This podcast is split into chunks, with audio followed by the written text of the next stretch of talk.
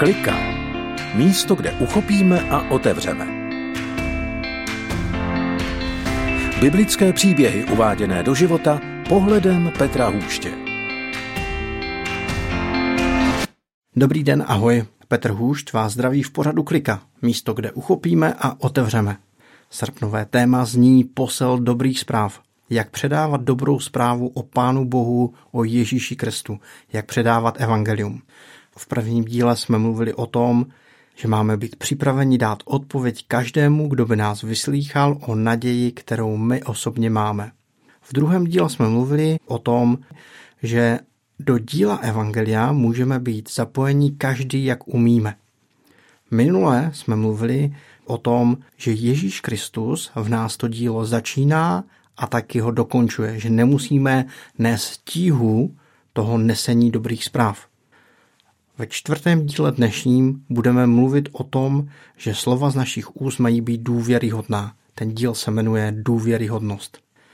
V dnešní době marketingu a reklam, podobných prodejců, všech úžasných prezentací, kdy všechno je výtečné, tak prožíváme obrovskou inflaci slov. Nevíme, čemu věřit a čemu ne. Všechno tak trošku spochybňujeme nebo dělíme dvěma. Jak můžou lidé věřit nám, když předáváme evangelium?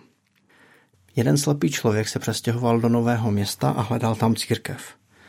A dozvěděl se o církvi krásné, velké, rostoucí, takové prosperující a tak tam zavolal a ti lidé byli ochotní, vyzvedli ho, dovezli ho do církve, byl na tom setkání, dovezli ho zpátky. A když ho dovezli zpátky, tak mu říkali, my jsme moc rádi, že jsi byl u nás, ale jenom asi to nepůjde po každé, aby jsme tě dovezli. A také je to trošku náročné zajistit ti i doprovod během bohoslužby. A ten slepý člověk se cítil na obtíž. Cítil se velmi nepříjemně. Už nikdy tu církev nekontaktoval. A řekl si, že už možná ani nebude chodit do církve, ale narazil na jeden malý, konzervativní, nerostoucí sbor. Oni ho jednou vyzvedli, vzali ho potom na oběd, na zákusek, vrátili ho domů a říkali, my tě každou neděli rádi vyzvedneme a pokud chceš, my přes týden máme taky biblickou, i tam bychom tě vzali. Ten člověk do konce svého života chodil do tohoto sboru, protože evangelium, které mu znělo z tohoto sboru, pro něho bylo důvěryhodné skrze lásku, skrze rodinné vztahy, které tam prožíval. A o tom je náš předposlední díl, důvěryhodnost. Vítejte v pořadu Klika. Filipským 1.27 Jenom veďte život hodný Kristova evangelia, abych viděl, až přijdu, nebo nepřijdu-li, abych slyšel, že zakotvení v jednom duchu vedete jednou myslí zápas ve víře v evangelium. Pavel na začátku toho listu děkuje Filipským za jejich účast na díle Evangelia pak říká, že je to Kristus, který to v nich začíná a který to dokončí. A tady pokračuje a říká, že máme žít život hodný Kristova evangelia. V zápase ve víře v evangelium.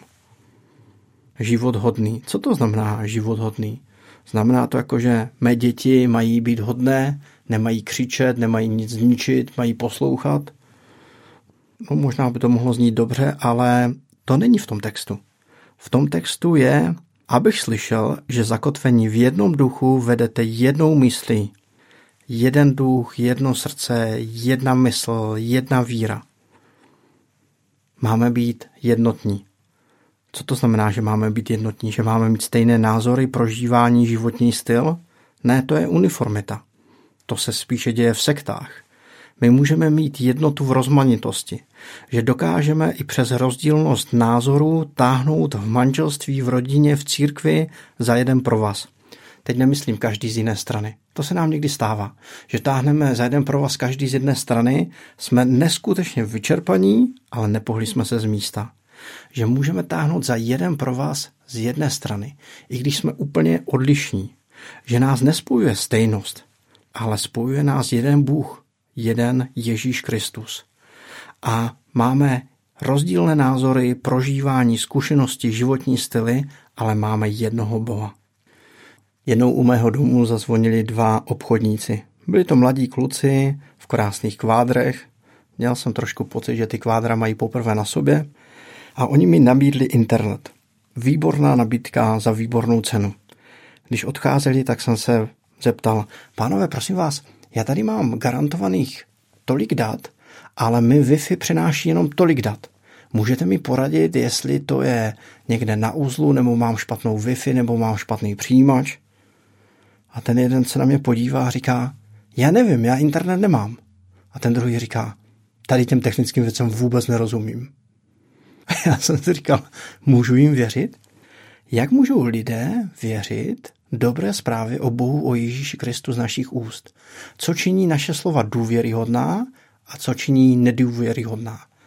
Je to to, když žijeme život hodný Kristova evangelia, když dokážeme v rozmanitosti zachovat celek. A poštol Pavel v tom listu Filipským říká dva příklady. Jeden pozitivní, jeden negativní. Tak aby jsme neskončili negativně, tak eh, ten pozitivní se necháme nakonec. Filipským 4, 2 až 3. Eudy domlouvám i Syntyché domlouvám, aby byli zajedno v pánu. Ano, i tebe prosím, můj věrný druhu, ujmi se jich, vždyť vedli zápas za evangelium, spolu se mnou i s Klementem a ostatními spolupracovníky, jejichž jména jsou v knize života.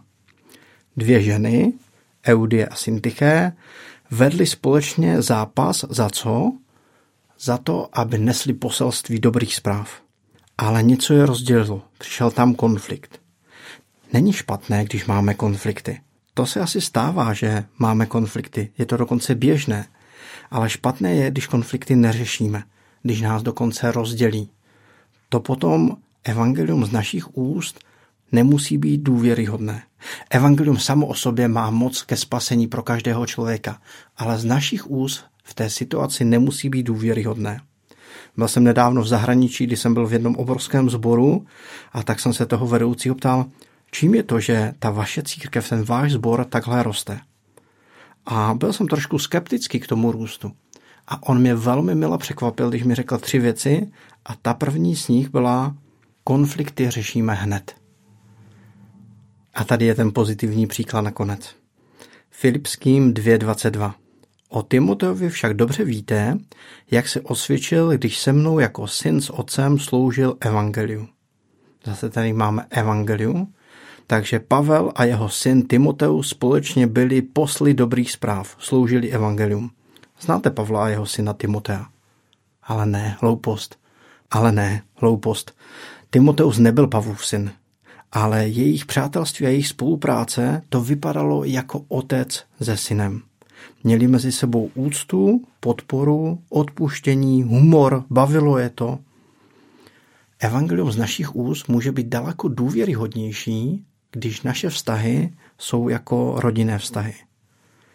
Jeden klučina, říkejme mu František, vyrostl bez rodičů a jednou přišel za mnou, za mým bráchou Davidem a mým bratrancem Mefou a říká, kluci, můžete být mý bráchové? No v životě neměl nikoho vedle sebe. A tak nám začal říkat Brašule. Asi viděl film Pelíšky. A my jsme mu taky říkali Františku Brašule. On rozbil auto mých rodičů, můj počítač, dvě bydlení, které jsme mu našli, dlužil spoustu lidem peníze Jednou v noci mi zavolal, že docestoval někde na konečnou vlakem a že už se dál nedostane, jestli bych ho vyzvedl. Znáte ten pocit, probudí vás noci telefon. Na první ráno jsem byl připraven mu říct, že je nezodpovědný, že si to nepromyslel, že si musí počkat na další spoj. Ale najednou jsem si uvědomil, že kdyby mi zavolal David nebo Janek, mý biologičtí bráchové, tak bych sedl do auta a jel bych tam. A tak protože mi zavolal František Brašule, tak jsem sedl v noci do auta a jel jsem pro něho. Než že já bych byl takový příkladný vzor, často vůbec ne. Ale uvědomil jsem si, že tam, kde máme vztahy jako v rodině, tam je poselství z našich úst daleko důvěryhodnější.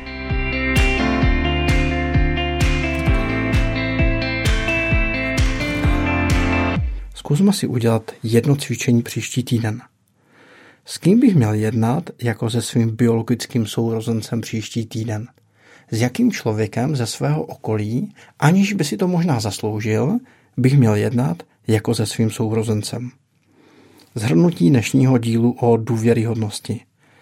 Máme vést život hodný evangelia. Jednota v rozmanitosti.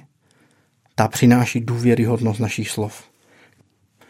Je normální, že máme problémy a konflikty. Je špatné, pokud konflikty neřešíme, nebo když nás konflikty dokonce rozdělí.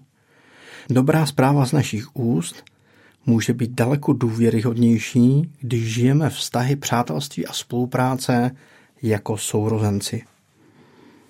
A to je z dnešního dílu všechno.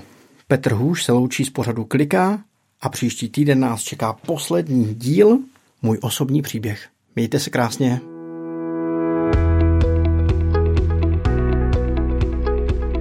Podcast Klika vznikl na Rádiu 7, které žije z darů posluchačů.